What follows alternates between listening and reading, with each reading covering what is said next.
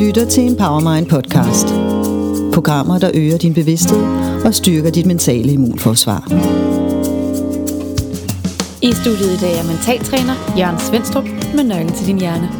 Velkommen tilbage til øh, Nøglen til din hjerne. Jeg hedder Jørgen Svendstrup, og det her er et øh, podcast live arrangement i Skanderborg. Live fra Skanderborg, hvor vi har en øh, helt sal fyldt med, med øh, lyttere, som jo er velkommen til at bryde ud i jubel, bare de ikke kaster med noget, har de fået at vide. øh, men så der sidder altså mennesker rundt omkring os her. Og det er jo ikke dig, det er jo ikke at dig, Anne, der sidder der, det er dig, Marianne, Det er ikke Anne, nej, det er mig, Marianne. Ja. som er på, når vi er i Skanderborg. Ja, det er så fedt. Øh, og jeg ved jo, at du har fået en, en besked fra Anne i dag, Det har jeg. hvad det er, jeg skal tale om. Anne har nemlig sendt mig øh, sådan en kort mail fra Tanja, eller kort og kort. Øhm, og øh, Tanja skriver, Kære Jørgen og Anne, tak for mange gode timer i jeres selskab. Jeg har netop hørt afsnittet om ro som modsætning til stress, og kan ikke forstå, at stress stadigvæk er et problem i Danmark. Er der overhovedet sket noget, efter vi har talt om det i så mange år? Og hvis svaret er ja, hvorfor er det så stadigvæk så mange, der bliver stresset? Og hvordan kan man hjælpe dem, der åbenbart ikke kan hjælpe sig selv? Der er flere spørgsmål. Eller vil du starte? Vil du høre det hele? Okay. Kan coaching ikke være farligt her i forhold til stress? Mange spørgsmål, jeg ved det godt, men også forventningsfulde hilsner fra Tanja. Så det første er det her med, at der overhovedet sket noget i Danmark i forhold til stress. Altså, må jeg sige en lille ting Mm, til start ja, med? ja, ja, gør Fordi det. i går, da jeg kørte hjem fra svømning, mm. der hørte jeg i radioen, at tallet er steget endnu en gang for folk, der, mm. der øh, føler sig meget stresset. Så op i den, den hårde kategori, eller den tungeste kategori, der er tallet simpelthen steget igen Ja. i den sidste måned. Så det er meget relevant det her. ja, og det er også meget nyt, fordi det, det der med ro har vi, det har lige været på, så det, Tanja har været rigtig hurtig til at, at vende den om. Okay. Um, okay, det var mange spørgsmål. Lad os, Ja. lad, men lad os se, om vi kan få styr på det. Ja. Og nu, nu bliver det jo med, med risiko for at, øh, at generalisere en del, fordi af gode grunde, så ved jeg ikke helt, hvordan det står til med den der stress. Så det er ud fra sådan en empirisk, øh, kan Ja. man sige, erfaring, men også ud fra nogle af de tal, der er kommet. Ja. Og som jeg tror, jeg refererede til i, i den foregående podcast omkring øh, ro, der den seneste, altså fra den forrige til den seneste Danmarks undersøgelse, sundhedsundersøgelse, der er tallet af danskere, der bliver ramt af stress, depression eller angst i løbet af et år, steget fra omkring 900.000 til omkring 1,4 millioner, så vidt jeg husker. Det er Det- enormt. Det er et enormt tal. Og, og jeg, det betyder jo reelt set, at en fjerdedel, cirka en fjerdedel af alle danskere i løbet af et år oplever at blive ramt af stress, depression og angst i sådan en grad, at de ligesom tæller med i, øh, i sammentællingen. Og, og når så antallet af stress, st- stærkt stress, stressede også stiger, som Ja. ja. du refererer til Ja. her, så, altså, så vil det nærliggende svar jo være, at der overhovedet intet er sket. Nej. Øhm, men det passer ikke. Okay. Og det gør det måske, det gør det måske endnu mere øhm, uhyggeligt faktisk, fordi ja, hvis vi sådan skal, med risiko for, og det er en risiko for en, en overgeneralisering, vi skal kigge lidt på, hvad danske virksomheder gør, og det er så ud fra vores erfaring. Ja. Fordi vi møder jo en del virksomheder i løbet af, af, af årene. Mm. Så, så kan man inddele dem i nogle kategorier, tænker jeg. For det første, en, en kategori, som tager det meget alvorligt. Som har sætter programmer i gang, og som har øh, ansat mennesker i organisationen, eller ud, videreuddannet mennesker i organisationen til at screene og holde øje med at måle for stress, fordi mm. det, kan, det kan måles. Det er ikke særlig, øh, det er relativt nemt at måle, om folk er, er stressede, hvis ellers de svarer ærligt på spørgsmålene. Mm. Øhm, og der bliver gjort af vores oplevelse en hurtig og effektiv indsats. Spørgsmålet om den er effektiv, men i hvert fald hurtig, i forhold til at, at skaffe hjælp eller støtte i et eller andet omfang. Mm. Og det, det kan vi jo mærke blandt andet, fordi der er en del virksomheder, som sender stressramte til, til Empowermind. Øh, og det er, inden det, er, det er altså inden der er sygemeldinger, heldigvis. Øh, og det er måske den absolut bedste indsats overhovedet, det er, det er den tidlige indsats. Ja. Øhm, så, men det kan vi lige vende tilbage til. Mm. Så det vil sige, der findes mange danske virksomheder, der tager det alvorligt. Jeg ved ikke, er der nogen af jer, som er i en virksomhed, der faktisk tager stress alvorligt? Okay. Der er cirka en fjerdedel Mm. af Ja. de fremmødte, som, øhm, som rent faktisk... Nu ved jeg selvfølgelig ikke, om det er lederen, der sidder her. Så der er, en, der er en mulig bias i den her ja. lille undersøgelse. Ja.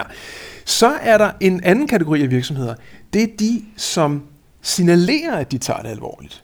Og det, det kan man jo gøre på mange måder. Man kan tale rigtig meget om det, holde rigtig mange møder om det, lave arbejdsgrupper, og øh, måske endda købe adgang til nogle øh, stressregistreringsapps eller ting, Ja. som man kan måle og, og finde ud af, hvordan det står til, men hvor der ikke rigtig er en reel indsats. Okay. Altså, hvor at man, man kan så sætte hak ved, at nu gør vi noget, men det er ikke sådan, at antallet af stresssygemeldinger nødvendigvis er, er faldende på den baggrund. Nej. Jeg ved ikke, om der er nogen jer, om der er nogen her, som er i en virksomhed, hvor de oplever, at der faktisk bliver talt en del om det, men der, der er ikke rigtig nogen, der, der bliver ikke rigtig gjort noget. Er der nogen af jer, der kan, kan opleve det? Nej, så det er nok over på Sjælland, at det er sådan. Ja. Øhm, og så er der virksomheder, tænker jeg, som, øhm, som er fuldstændig ligeglade. Altså, Ja. som simpelthen ikke, Som ikke gør noget. som ikke gør noget. Ja. Øhm, det kan godt være, de taler lidt om det, men de gør, de, de gør faktisk ikke rigtig noget. Og det vil Nej. Sige, at der er øh, måske øh, et, et relativt stort antal folk, der bliver stresset, og, men øh, det er bare sådan, det er. Mm. Og der er ikke rigtig sket noget. Jeg ved ikke, er der nogen af jer, der oplever at være i sådan nogle virksomheder her? Øh, Mindre del dog. Ja. Hvad med jer andre? Har I overhovedet ikke stress sig i virksomhederne? Jeg er der ikke... Øh, nej. Og det er jo utrolig lykkeligt, at det rent faktisk er muligt. Og Ja. det kunne jo tyde på, at man... Det kan godt være, at man ikke har et, et, et beredskab, eller man gør noget, men man rent faktisk har gjort noget organisatorisk, for at det ikke sker. Ja, for man ikke bliver For stresset. man ikke bliver stresset. Ja. Så, så, så du siger med det, at der er sket noget, fordi der er nogle virksomheder, der gør, men hvis nu tallet bare stiger, ja. Det er rigtigt, hvad, altså, ja. Hvad er det? Jamen, det handler grundlæggende om to ting, tænker jeg. Øh, og vi er stadigvæk i år... Altså, det kan jo handle om mange ting, ikke? men Ja. det handler grundlæggende om to ting. Ja. Det ene, den ene er, at der er et i mange brancher et stadig stigende pres på medarbejdere. Ja. Og den anden er, at der er stadig flere af os, som, som til trods for, der måske, at, øh, at vi bliver bedt om at uddelegere, vi bliver bedt om at gå ned i arbejdstid, vi bliver bedt om at holde fri, når vi holder fri, Mm. altså stærke signaler ja. fra virksomheden, at vi som individer alligevel vælger at overhøre det. Enten fordi vi føler os forpligtet, eller vi føler øh, dårligt samvittighed, hvis ikke vi yder mere, end vi egentlig behøver. Mm. Eller fordi vi er passionerede i sådan en grad, så vi ikke kan finde ud af at sige stop, fordi jeg elsker mit arbejde. Der kan være mange grunde til det. Ja. Så vi kan ikke lægge alt ansvaret på systemet eller på virksomheden. Der er Nej. altså også en del af ansvaret, som hviler på medarbejderne selv. Ja. Men et er jo, ja, nu snakker vi virksomheder, Mm. men er det der, vi bliver stresset? Er det på vores arbejde? Øhm, ikke nødvendigvis, men det er jo der, det primært bliver registreret og målt, Ja, ja. fordi det er der, det koster penge. Ikke? Ja. Det er der, det øh, koster, hvad hedder det, men det kan jo sagtens være ting i, i privaten, der stresser så, så meget, så jeg bliver nødt til at blive sygemeldt på arbejde. Det kan jo også godt ske. Ja. At, øhm, ja. Men, men tænker du, at det simpelthen er fordi, at, at den måde, vi går på arbejde på i dag, er så markant anderledes, at det, at det er simpelthen det, der er, giver den største gruppe af stress, stressede? Altså, der er jo det, det, altså, der er så mange faktorer, der Ja. ja. til gældende. Så, så det, det kan være, altså, det er, jo, det er jo et helt program på selv, eller en helt Ja. serie for sig selv, hvis man lige Ja, ja. gå ind og ja. kigge på alle de mange strukturer i vores, øh, øh, vores dagligdag, der er med til at skabe det. Men, og som vi tidligere har talt om i Nøglen til hjerne, så er hele, øh, kan man sige, perfekthedskulturen, Ja. som vi oplever fra vi, altså som børn øh, oplever, og som vi, øh, vores nye generation jo vokser op med at være lige fra de er ganske, ganske små. Altså en højt, højt præsterende. Ja. Øh, og, og det er jo i meget høj grad også, det kan godt være forventninger for omgivelserne, men det er også, det bliver jo til egne forventninger. Ja. Øh, og det betyder, at desværre så stiger de her tal nok fortsat. Der er, altså, der er intet, der tyder på, at de knækker. Så, så det i bund og grund, så kunne det lige præcis det her med forventninger være den helt store, hvad vi forventer af os selv, eller hvad der kulturelt er forventet, eller hvad der organisatorisk er forventet. Ja, og så er der, så er der en, en kæmpe udfordring, og det skal vi også lidt ind på, fordi øh, Tanja spurgte jo også, hvad, altså hvad, hvad, hvad kan man gøre med det, og kan man bruge coaching? Og Ja, og er coaching farlig, spurgte Ja. hun faktisk om Ja, i forhold til det her. Ja, Øhm, fordi, øhm, fordi der er... Øh, nej, hvad var det, vi kom fra? Det var... Det var det her med forventninger. ja, Øhm, og at øhm, det her med om, folk, der ikke kan hjælpe sig selv, og kan coaching bruges til Ja. det. ja, nå, der var lige noget, Der var lige noget, der- forsvandt. Okay, det kommer Men tilbage. man kan sige, hvis vi skal kigge lidt på en, øh, den måde, det bliver så bliver håndteret på, Mm. så kan man så sige, at der er stadigvæk øh, rigtig mange steder, og det hører vi om igen og igen, altså folk, der bliver sygemeldt med stress, og derfor må gå hjem fra arbejde. Jeg ved, Ja. er, det noget, er det noget, I kender til fra... Ja. Og der, Der er nikket der bliver hele faktisk- vejen Der rundt. bliver faktisk nikket relativt Ja. ja. meget hele Ja. vejen rundt. Ja. Og, øh, og det kan sagtens ske i virksomheder, som har ret, go- altså som, som har ret gode strukturer til at passe på medarbejderne. Fordi. Mm. hvis der er noget, der gælder, og det er jo det, vi i virkeligheden kom fra, så er vi som individer vanvittigt dygtige til ikke at opdage, at vi er stressede. Ja, det er da interessant. Øhm, Hvad er det, vi overser? Jamen, det, det er, øh, altså der er, ligger et indbygget paradoks i stress. Og det indbyggede paradoks gør, at jeg har så travlt, så jeg ikke opdager, at jeg er stresset. Ja. Og jeg har ikke tid til at slappe af, fordi jeg har så mange ting, jeg skal nå. Altså, så, der, så der er simpelthen en, et paradoks, så når først vi ryger ind i den, Mm. så, så har det det bare med at accelerere. Og, det, og så er det ligegyldigt, om andre folk siger, hey, slap af. Altså, Ja. nu skal du bare tage det roligt. ja, ja, det er meget fint, du siger det, men det kan jeg jo ikke. Nej. Øhm, og, og den anden faktor, som vi også skal kigge lidt nærmere på, det er, at rigtig mange fornægter, at de er stressramte. Fordi der, der er stadigvæk skam forbundet med det. Mm. Øhm, der er tab af kontrol forbundet med det. Så jeg kan holde, altså, hvis, jeg kan holde den, hvis jeg bare kan hænge i med neglene, så vil jeg hellere det, end ligesom at kaste håndklæde i ringen. Og det gælder Ja. selvfølgelig ikke alle, men det, det, der, det oplever vi igen og igen. Ja. Derfor kræver det helt specielle kompetencer i organisationen til at spotte stress. Ja. Fordi hvis vi har en række medarbejdere, som rent faktisk virker til at trives og kan, øh, kan klare, uanset hvad vi lægger over på dem, så kan de håndtere det og klare det. Ja. Super pligtopfyldende, ansvarsfulde medarbejdere, øh, indtil de bare ikke kan klare det længere. Så er der brug for, at der er nogen, der har kompetencer i virksomheden til at kunne spotte det. Ja. Og det er der heldigvis jo flere og flere steder. Så der er sådan nogle, Så- der er nogle indbyggede paradokser, der gør det Ja. vanskeligt at håndtere. Ja, så, så hvad, hvordan kommer coaching i spil? Hun- spørger jo, Tanja spørger faktisk, om coaching kan være farlig ja. I forhold til stress. Ja, det kan jeg godt forstå. Hvis man tænker, at man bliver bombarderet med spørgsmål, og Ja, ja. så man jo, ja, Men også ud fra den betragtning, at øhm, altså som, hvis man ser på det historisk set, så har man, så har man ment, at coaching er, øh, altså, meget let kan blive skadeligt Ja. i forhold til stressramte.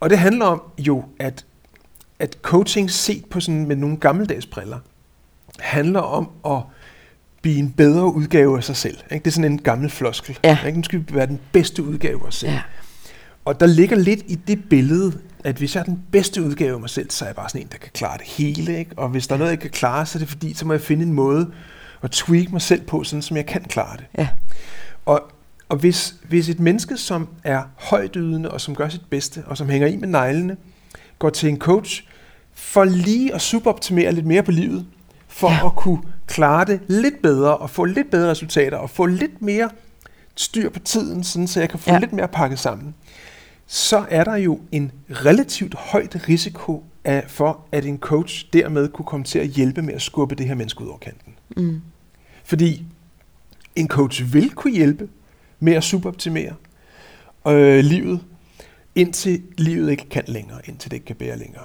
ja, Så ud fra det perspektiv, ja, så kan coaching absolut være skadelig i forhold til stressramte.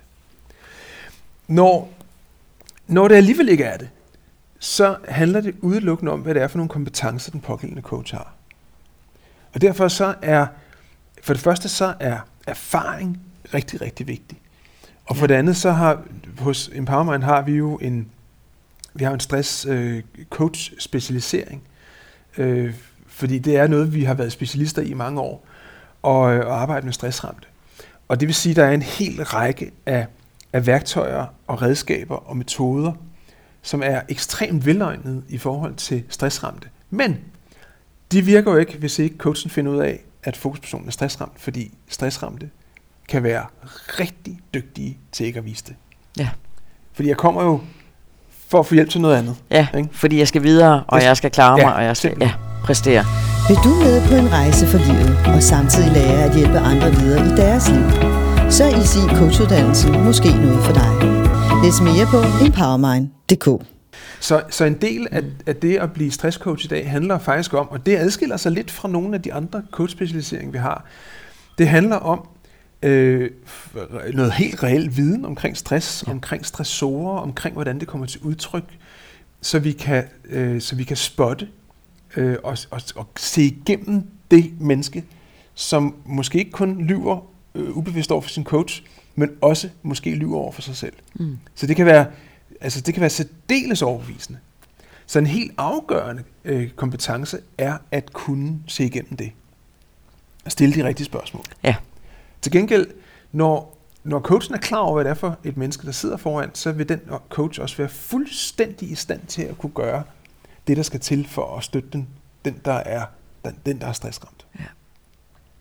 Og, og hvad er sådan, hvad er afgørende, tænker du, i forhold til, altså i coachens rolle der, altså udover skal ligesom at kan se igennem, hvad handler det her i virkeligheden om, men hvad, hvad er så ellers, øh, hvordan vil en coach ellers hjælpe?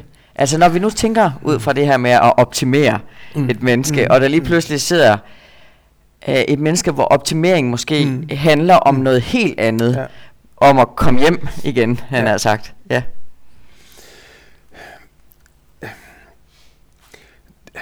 Det, altså vi, faktisk er der en und, der, vi har sådan en und, kan man sige, som coaches, der går vi jo ikke ind på noget som helst tidspunkt og fortæller, hvad andre mennesker skal gøre.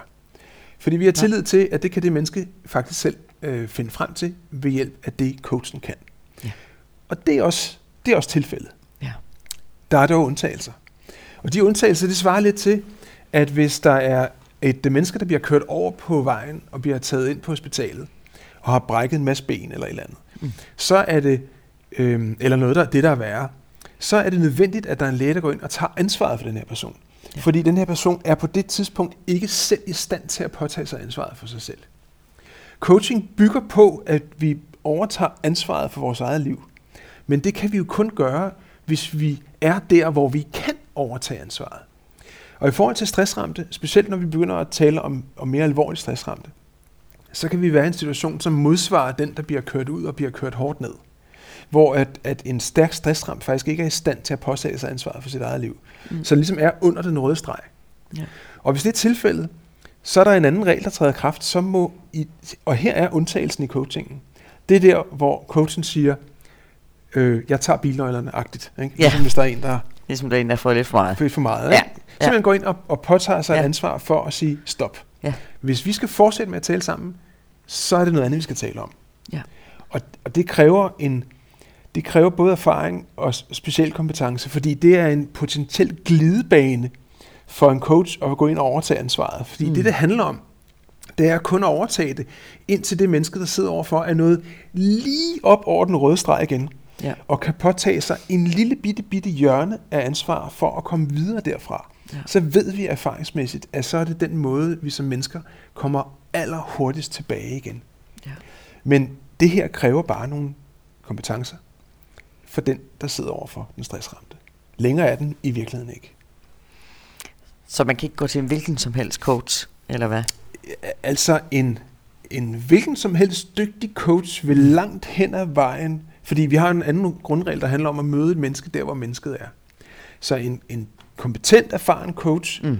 vil langt hen ad vejen kunne hjælpe. Øh, og jeg tror ikke, der findes jo ikke coaches, der ikke har mødt stressramte, fordi Nej. det er der ligesom så mange, der er. Ja, ja. Øhm, og, øh, og heldigvis kan, kan coaches uden en specialisering også klare en del. Der er bare nogle kompetencer, som er gode at have, hvis man vil være altså være, være helt tryg i arbejdet, mm. for ikke at komme til at sende folk hen, hvor de ikke kan, altså hvor de kan få det værre i værste Ja. fald. Jeg vil ligesom, om, om du har svaret på mm. hendes spørgsmål. Øhm, ja, det her med, om det, om det virkelig kan passe, at der er så mange stressramte, Ja. at der stadigvæk er så mange, hvordan kan vi hjælpe dem, når de åbenbart ikke kan hjælpe sig selv?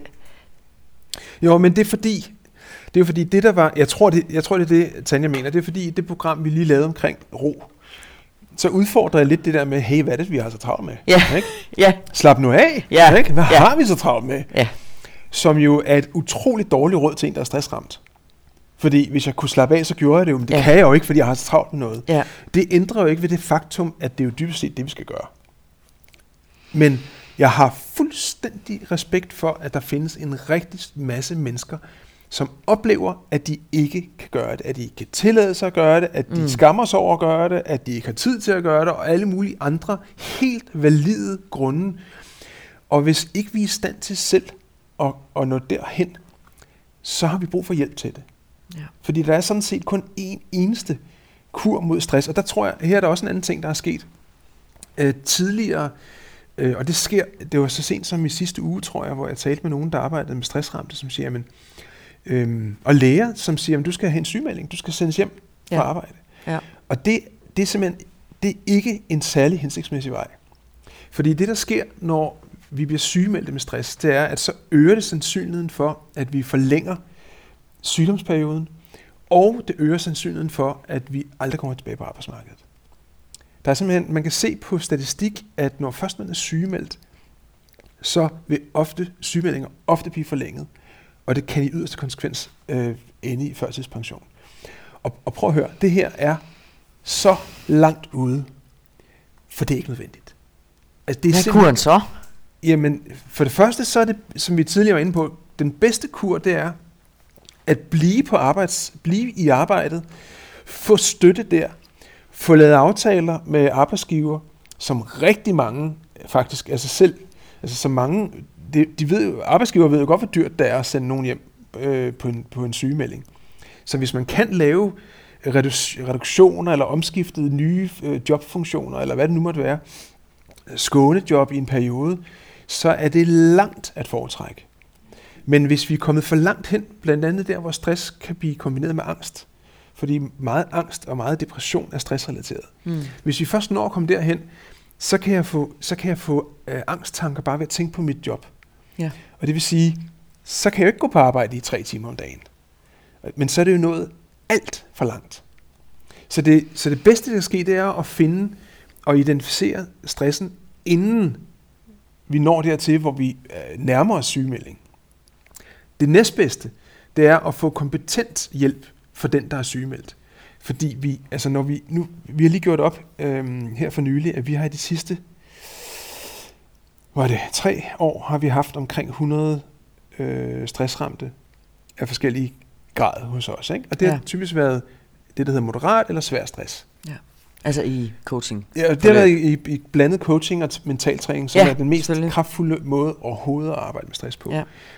Øh, hos os er det Mitzi, der er stressspecialisten, øh, Ja. så det er hende, der har alle, næsten alle stressforløb. Ja. Hun har haft fem sessioner med dem alle sammen.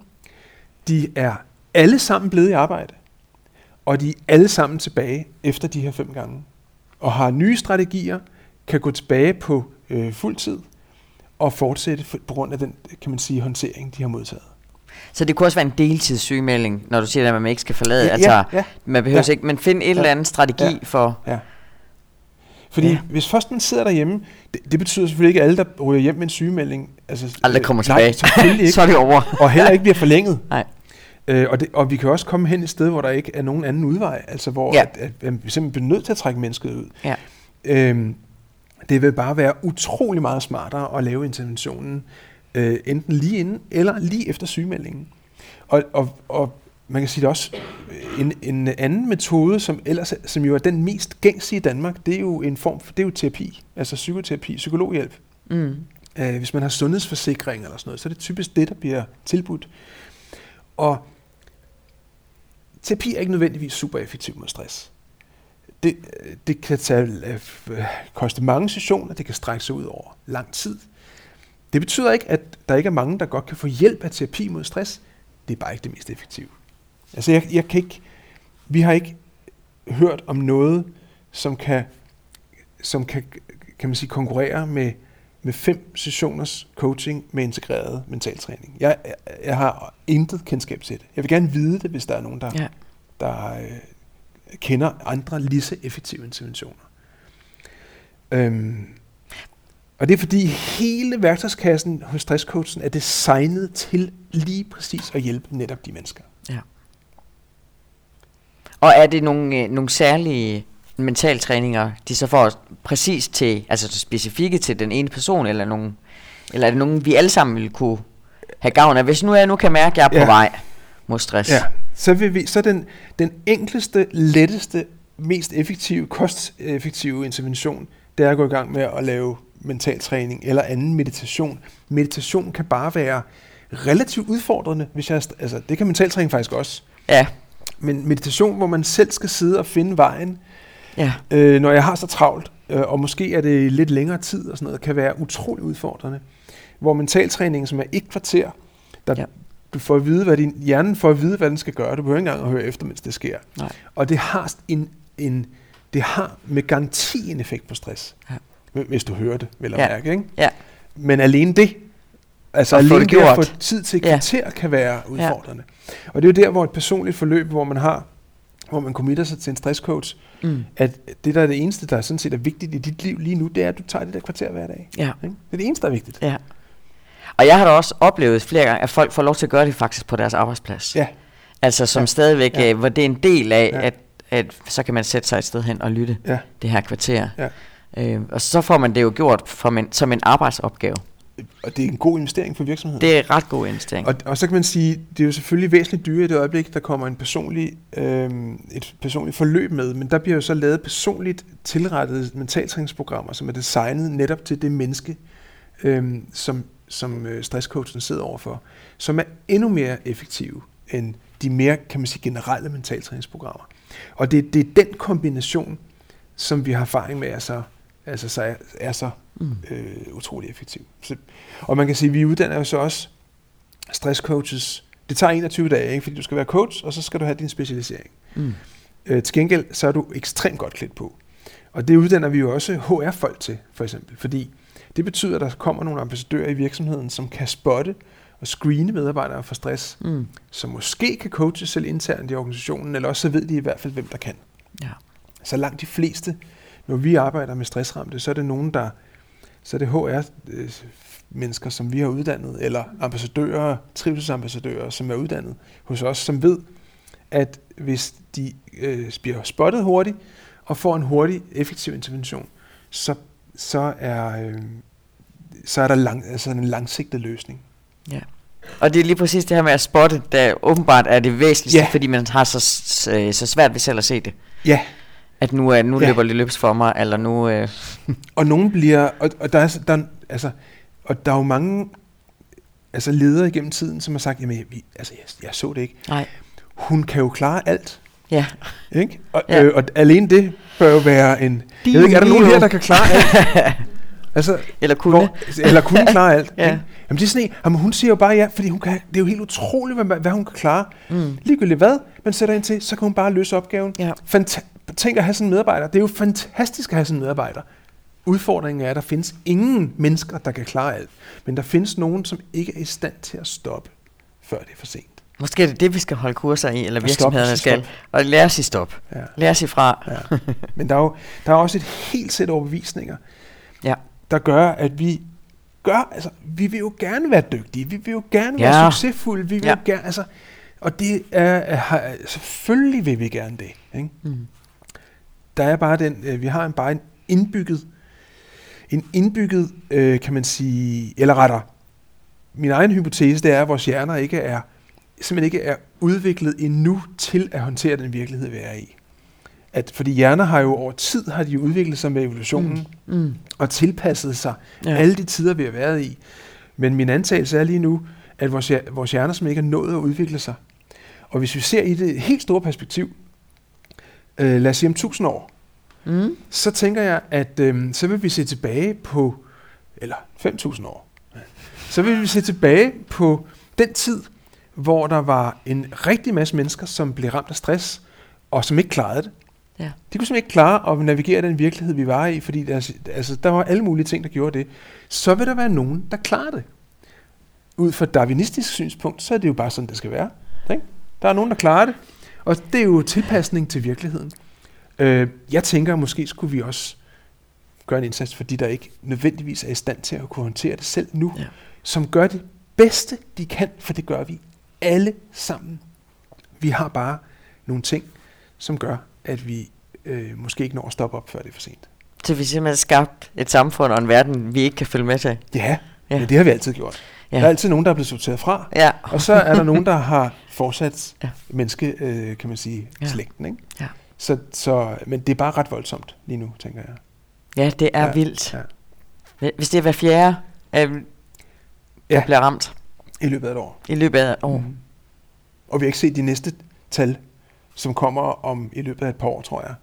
Og mit bud vil være, at de igen er steget en 30-50 procent. Jamen det er jo... Så nu må vi se. Ja. Det er vildt. Mm. Det vil jeg godt forstå, at Tanjas frustration her, Ja. fordi hun har noget at have det i. Ja, Ja. ja. ja. Men der sker ting Men-. Der men sker flytter noget. Ja, Ja. Yes. Og vores, hjerner, vores hjerner skal nok udvikle sig. Det er spørgsmålet, Skal- når at opleve det. Spørgsmålet er, om vi kan, Ja. om vi kan speede dem op. Ja. Godt. Jeg håber, Tanja har fået de svar på spørgsmålet. Ellers må, må du skrive igen, Tanja. Mm-hmm. Øhm, Og hvis du sidder derhjemme og har et spørgsmål til et eller andet, der har med hjernen at gøre, så er du velkommen til at sende en mail til podcast Tak fordi du var med i dag. tak fordi jeg måtte være med. Det var dejligt. Og tak til jer. Tak skal I have. Tak for i aften. tak for jer. Du har lyttet til en Powermind podcast. Programmer, der øger din bevidsthed og styrker dit mentale immunforsvar.